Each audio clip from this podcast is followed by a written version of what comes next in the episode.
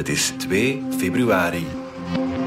Dit is vandaag de dagelijkse podcast van de Standaard. Ik ben Alexander Lippenveld.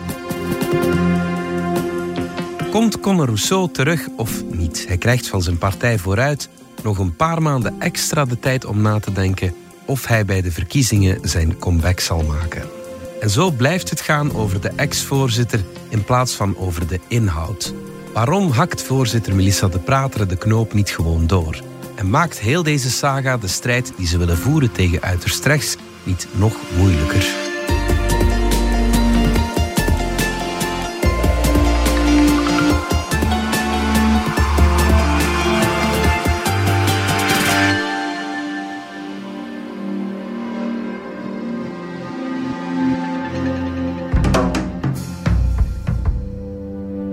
Is vandaag een heel duidelijke oproep gekomen, een heel uitdrukkelijke vraag om die plaats over te laten of open te laten. Als voorzitter kan ik die vraag ook niet negeren en vandaar eh, dat we het op die manier zullen doen. Maar wij kunnen volop aan de slag. Onze lijsten zijn bekend, onze lijsttrekkers kunnen eraan beginnen. Als hij het niet doet, dan, uh, dan ja, zullen we zien. Dat is natuurlijk een, een consequentie dat hij niet meer aan politiek doet. Hè. Er zijn verkiezingen op 9 juni. En als je aan politiek wil doen, dan doe je natuurlijk mee aan die verkiezingen. Valerie Droeven van onze politieke redactie, dat was uh, Melissa de Prater, de voorzitter van Vooruit. Jij volgt de partij voor onze krant. Dinsdagavond waren we in de verwachting dat Conor Rousseau zijn grote comeback zou maken, maar dat draaide anders uit. Dat draaide inderdaad anders uit. Er werd een congres, een provinciaal verkiezingscongres in Gent georganiseerd. Ja. Uh, op voorhand werd gezegd, daar gaan we eindelijk weten of Conor Rousseau al dan niet de lijst zal trekken, ja. zal duwen of niet aanwezig zal De Vlaamse lijst uh, voor Oost-Vlaanderen. Ja, want net voor uh, de oud-voorzitter opstapte, mm -hmm. was er beslist dat hij de Vlaamse lijst zou trekken. Mm -hmm. Toen hij opstapte als Vlaams parlementslid, werd die positie op de lijst onzeker. Mm -hmm. Het is te vroeg om daarover te beslissen, zeiden ze toen. Dat gaan we later doen. Alle andere lijsten zijn al in december afgeklopt, behalve die van Oost-Vlaanderen, die eigenlijk blijven open liggen, om Conor Rousseau de tijd te geven om zichzelf bijeen te rapen en te beslissen: wil ik de komende vijf jaar nog in de politiek gaan of ja. stap ik uit de nationale politiek? Ja, ja, maar die beslissing is dus niet gevallen dinsdagavond. Die beslissing is niet gevallen. De enige beslissing die gevallen is, heel definitief, is dat hij de lijst niet meer zal trekken. Mm -hmm. Het lijstduurschap, dus hè, de, de laatste plaats op de lijst, houden ze voorlopig open. En ze gaan hem vragen om daar alsnog over na te denken. Hij krijgt een nieuwe deadline. Voor 13 april moet hij beslissen. Dat is echt de dag waarop de partij de lijsten officieel moet indienen. Dus ja. later kan het echt niet meer zijn. Ja, ja, Hoe is dat verlopen, dat congres en die beslissing? Ja, dat, dat moet heel snel voorbij eh, gegaan zijn. Ja. Aan het begin van die samenkomst heeft Melissa de Prater een brief voorgelezen van de Conor, voorzitter, de voorzitter inderdaad, van Conor Rousseau. Hij was daar zelf niet aanwezig. Mhm. En in die brief, die ik voor alle duidelijkheid niet gezien heb en geen enkele journalist Mhm. um, zou hij aan de leden van de Oost-Vlaamse afdeling gevraagd hebben om het lijsttrekkerschap aan zich voorbij te laten gaan. Ik Ja. ben hier nog niet klaar voor. Volgens mijn informatie heeft hij niks over een andere plaats op die lijst gezet. Dus Ja, ja, ja. zoals we het nu zien, zou hij alleen gevraagd hebben om het eh, lijsttrekkerschap ehm, niet te krijgen. Mhm. Waarop er rumoer moet ontstaan zijn en mensen moeten geroepen hebben dat hem dat toch moest doen. En, en, en. Eh, Uiteindelijk is een groepje mensen beginnen scanderen, of eh, naar verluid, dat hij het lijstduwerschap dan op zich moet nemen. Maar raar maar waar stond daar niks over in de brief. Mhm. En was Melissa de Prater ook niet op de hoogte of hij daarvoor open zou staan. Ja. Dus is er toen beslist van oké, we laten die plaats open. Ja. Want als we hem de plaats geven en hij haakt alsnog af, is dat ook niet goed. Eh, we willen hem gewoon nog wat extra tijd geven Ja. om die beslissing te kunnen nemen. Eh, en ja, zo, Zo weten we het nog steeds niet. Ja.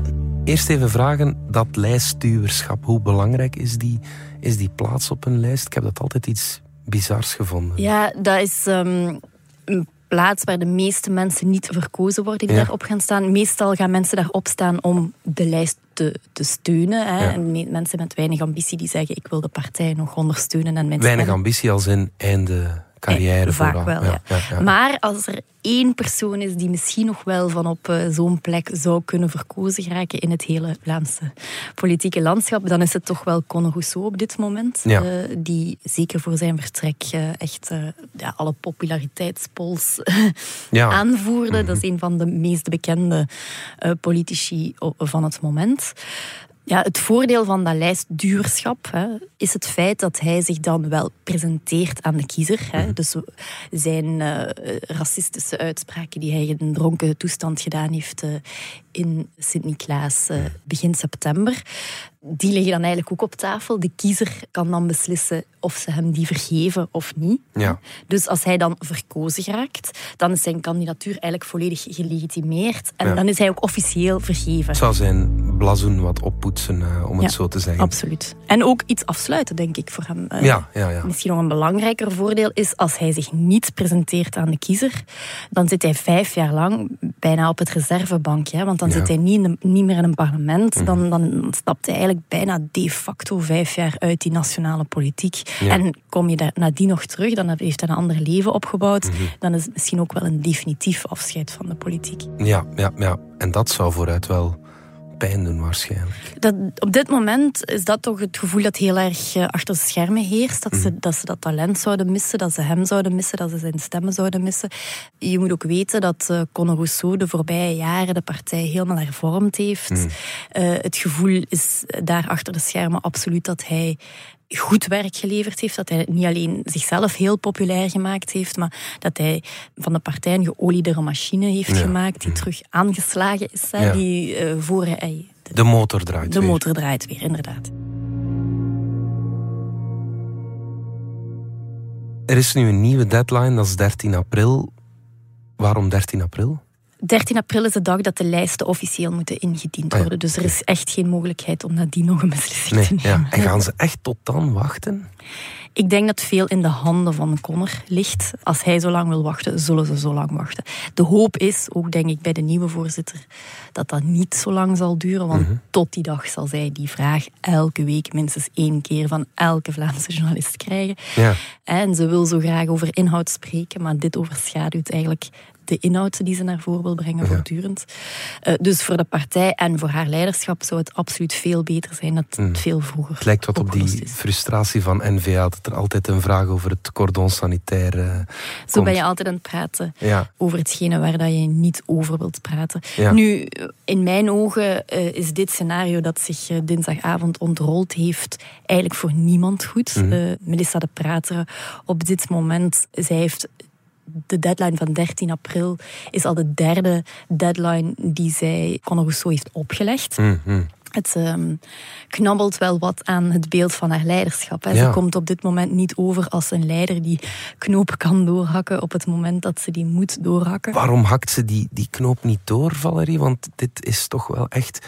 Ja, ik kan het bijna een blamage noemen, toch, voor de prater. Ja, ja, je snapt dat niet. Hè. En in dit geval voel je eigenlijk dat haar leiderschap aangetast wordt. Dat is toch de indruk die je krijgt. Ze komt hier niet over als een heel kordate leider die voor de korte pijn gaat. Ja. Eh, Je krijgt zelfs de indruk dat Conor Rousseau nog de echte beslisser is. Om het misschien wat te ver door te trekken, maar toch. als ik zeg dat dit niet goed is voor heel veel mensen binnen de partij, dan kan ik ook zeggen dat dit misschien voor één persoon wel goed is. En dat is Conor Rousseau. Want als die straks terugkomt, Ja.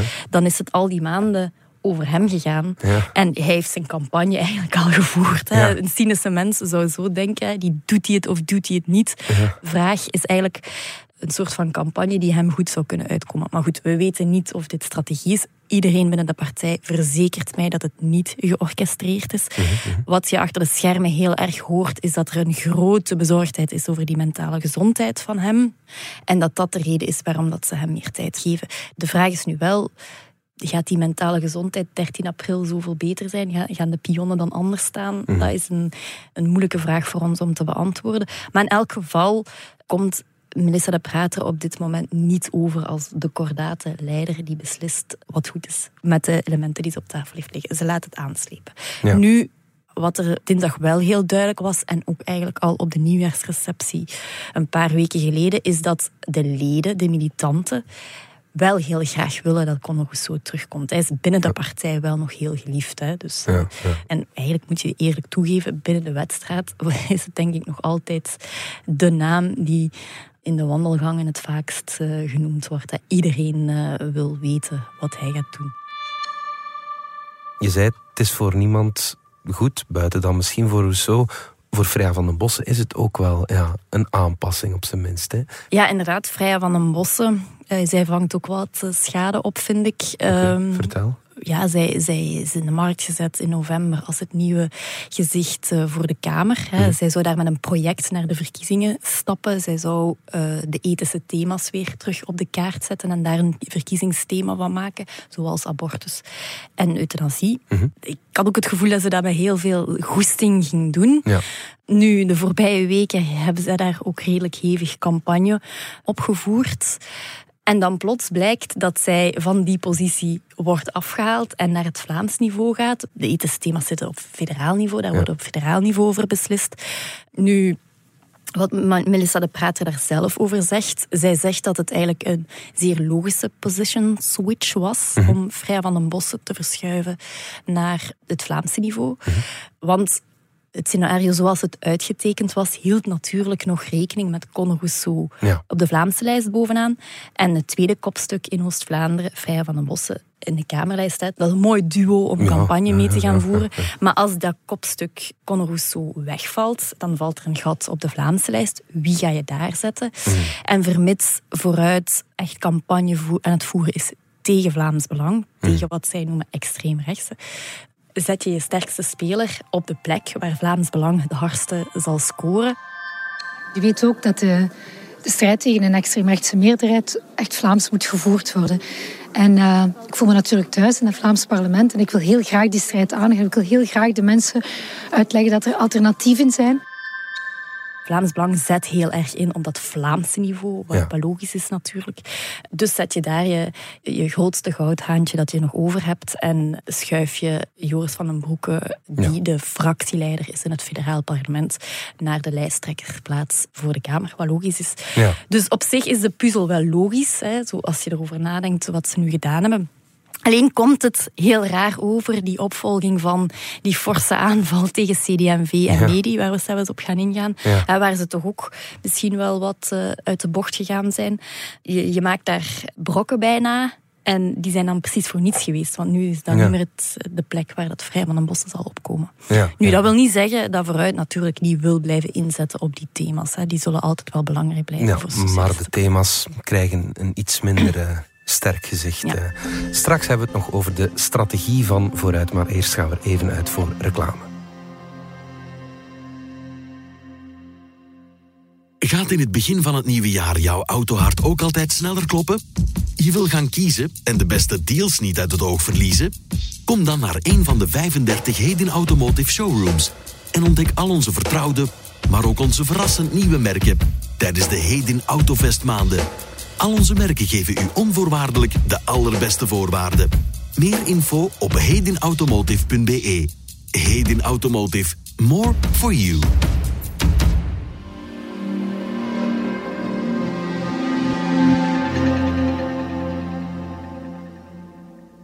Valerie, terug naar vooruit dan. Het gaat de laatste weken wel heel vaak over de partij. Vaak ja, toch in negatieve zin. Maar marketeers zeggen dan: there's no such thing as bad publicity. um, is daar iets van aan in dit geval? Ja, het is heel duidelijk dat um, vooruit aan zijn campagne begonnen is de voorbije weken. Heel erg gericht tegen Vlaams Belang, hè, tegen wat zij noemen extreem rechts. Zij zien zichzelf als het enige alternatief voor een regering met het Vlaams Belang. Zo presenteren zij zich. Dat hebben ze meteen duidelijk gemaakt na nieuwjaar door hun slogan vooruit of achteruit. Kies maar op de voorgevel van het hoofdkwartier van Vlaams Belang te gaan projecteren. Ja, ja. Daar is toen ook een online campagne aan vastgeknoopt, waar dat Van Grieken kop van Jut was. Van Grieken die ze dan blurde, dat was heel erg tegen hem gericht. Mhm. De week daarna hebben ze een soort van, ook online, gelijkaardige aanval gedaan op Theo Franke. Mhm. het laatste nieuws had een artikel met een kop geschreven, iets in de trant van veel oude rotten bij NVA en jonge vrouwen bij Vooruit. Ze hebben die kop gebruikt en dan Melissa de Prater, de voorzitter van vooruit in kleur aan de ene kant gezet en Theo Franke in het zwart-wit. Een nogal uh, donkere foto van hem aan de andere kant. Dus dat was een rechtstreekse aanval tegen Theo Franke en NVA. De derde aanval die ze deden was er een op uh, eh, CD&V en Sami Medi. Ja, plots was het abortusdebat weer overal. Um, de abortuscentra hadden een soort van noodkreet gedaan. Uh, zij wouden toch graag weer het debat op tafel leggen over de wachttijd van zes dagen. En ook het aantal weken dat je zwanger mag zijn voor een abortus. Mhm. Vooruit en heel wat andere partijen willen die op 18 weken leggen. Ja. Ligt voorlopig op 12 weken. En CD&V wil daar niet in meegaan. En mhm. dat is al een hele tijd zo. Dat debat leek al gedebatteerd en afgesloten te zijn. Maar dat kwam plots terug op tafel. Ze hebben dat opgepookt.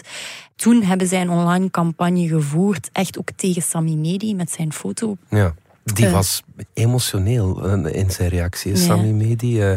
Ja, Sami Medi vond zelf dat hij veel te veel op de man gespeeld was. De bijschrift was zoiets dat ze terug naar de middeleeuwen wouden. Dit is totaal onsmakelijk. Dit is het kopiëren van Vlaams Belang. Als dit de manier is waarop we campagne gaan voeren met elkaar, door te insinueren dat iemand terug wilt gaan naar de middeleeuwen, in plaats van inhoudelijk het debat te voeren, dan staan we voor een ranzige campagne van nu tot juni, waarvan ik u nu al kan voorspellen wie die campagne gaat winnen. Dat bent u niet, dat ben ik niet, maar dat zijn de extremen. Dus als ik één ding mag vragen, alsjeblieft, ik wil smeken op mijn knieën als het moet. Maar laten we het debat inhoudelijk voeren op een correcte manier, op een respectvolle manier. Want als wij niet deftig zijn, dan kunnen we niet van de kiezer verwachten om een verstandige keuze te maken. Ja, daar heeft vooruit wel van gezegd dat dat een te vergaande formulering was. Ze zouden niet bedoeld hebben dat Sami Medi dat wou. Ze beseffen dat uh, CD&V abortus niet, heel, niet wil terugdraaien. Ze willen gewoon niet zo ver gaan in, in de uitbreiding van de wet. Maar die zin op zich was dan, zeggen zij, gericht tegen echt uiterst rechts alt-right groepen die dat wel zouden willen. Mhm. Maar achter die manier van campagne voeren, waarbij ze zichzelf rechtstreeks, een gezicht van hen rechtstreeks tegenover een gezicht van een andere partij zetten. In het geval van abortus was het Freya haar eh, foto tegenover die van Medi. Ja. Dat willen ze wel blijven doen. En, en, eigenlijk vond ik die post op sociale media heel erg opmerkelijk, want Freya van den Bossen was in Villa Politica veel gematigder hè, dan die post zou doen vermoeden. Zij zei iets in de trant van dat CD&V zelf moet beslissen hoe dat zij daarover stemmen en dat zij daar niets over te zeggen heeft. Mm dat was veel gematigder als je haar in dat interview hoorde dan die post, die zij persoonlijk niet op uh, sociale media gezet heeft, maar haar partij wel. Maar goed, je merkt dat ze heel erg hard en scherp campagne voeren op dit moment. Nu, al die dingen die ik net beschreven heb, zijn wel online op sociale media gebeurd. Ik heb daar ook wel wat campagnespecialisten over gebeld. Mhm. De meesten wouden niet onder record reageren. Sommigen noemden het een alt-right campagne die veel te ver ging. Negative campaigning viel, uh, dat soort termen. Er waren wel mensen die ook zeiden van ja, kijk, dit is nu eenmaal hoe sociale media in elkaar zitten. Daar moet het harder, daar moet het scherper zijn. Wie daar ook van gelijk heeft, we praten nu al bijna drie weken alleen maar over vooruit. Dus maar overtuig je daarmee ook kiezers? Moet je het niet vooral over, over jezelf hebben? Hetzelfde met die slogan, vooruit of achteruit kies maar. Ik vind dat ook zo heel... het gaat vooral over anderen. Ja, je merkt wel dat ze altijd wel proberen om daar ook uh, telkens een inhoudelijk debat aan vast te hangen, maar dat dat moeilijk blijft gaan. Hè. Dat het heel erg het debat in de zevende dag, waar Melissa de Prater tegenover Sami Medi zat, werd ook deels gekaapt door was die advertentie nu wel iets wat we hadden moeten doen of niet. In de mhm. plaats, het ging ook wel, natuurlijk wel over abortus, dat zeg ik niet, maar een deel van het debat ging dan daar wel over. En dat is ook waar de man in de straat eerder over zal praten. Nu, zij zijn ervan overtuigd dat door het zo scherp te stellen, de man in de straat ook begrepen heeft wat de standpunten van vooruit en de standpunten van CD&V zijn. Ik ben geen psycholoog of socioloog, ik kan daar geen oordeel over vellen. Maar we zeggen het al een tijdje op de wedstrijdredactie, er kondigt zich wel een zeer uh, hevige campagne aan de komende maanden. Dat is sowieso uh, zonder twijfel het geval. En vooruit, je zei het al, is ervan overtuigd dat zij de dam kunnen zijn tegen uiterst rechts. Wat is daar nu dan ja, de redenering achter waarom zij zij, eh, ik wil even verwijzen naar de nieuwjaarspeech van Melissa de Prater, waar zij eigenlijk wel iets slims heeft gezegd. Eh, Tom Nagels heeft daar ook nog eens de nadruk over laatst in de krant opgelegd. Columnist uh, Tom Nagels in onze krant, ja. Inderdaad. Um, in haar nieuwjaarspeech zei zij, wij moeten rechts mathematisch onmogelijk maken. Mhm. Wij moeten ervoor zorgen dat NVA een alternatief heeft. Hè. Dat wij groot genoeg zijn, zodat N-VA niet gedwongen is om het cordon sanitair te verbreken en met uh, het Vlaams Belang in zee te gaan. Alleen wij zijn groot genoeg om ervoor te zorgen dat de NVA niet kan kiezen voor het Vlaams Belang. Alleen wij zijn groot genoeg om de deur naar gegarandeerde achteruitgang met extreem rechts te sluiten. En de keuze is glashelder. Het is extreem rechts na 9 juni of het is vooruit.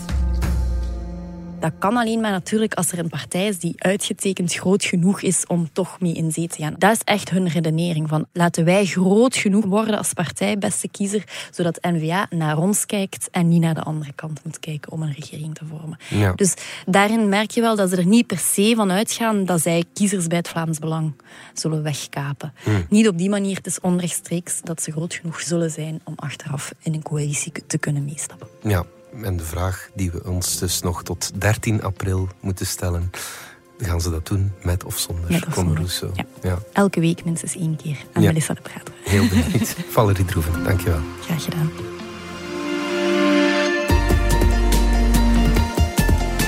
Dit was vandaag de dagelijkse podcast van De Standaard. Bedankt voor het luisteren. Volg ons op Spotify, Apple Podcast of eender welk ander podcastplatform. In onze gratis FDS podcast kan je niet alleen ons werk beluisteren, maar ook de beste podcasttips terugvinden. Alle credits van de podcast die je net hoorde vind je op standaard.be-podcast. Reageren kan via podcast.standaard.be.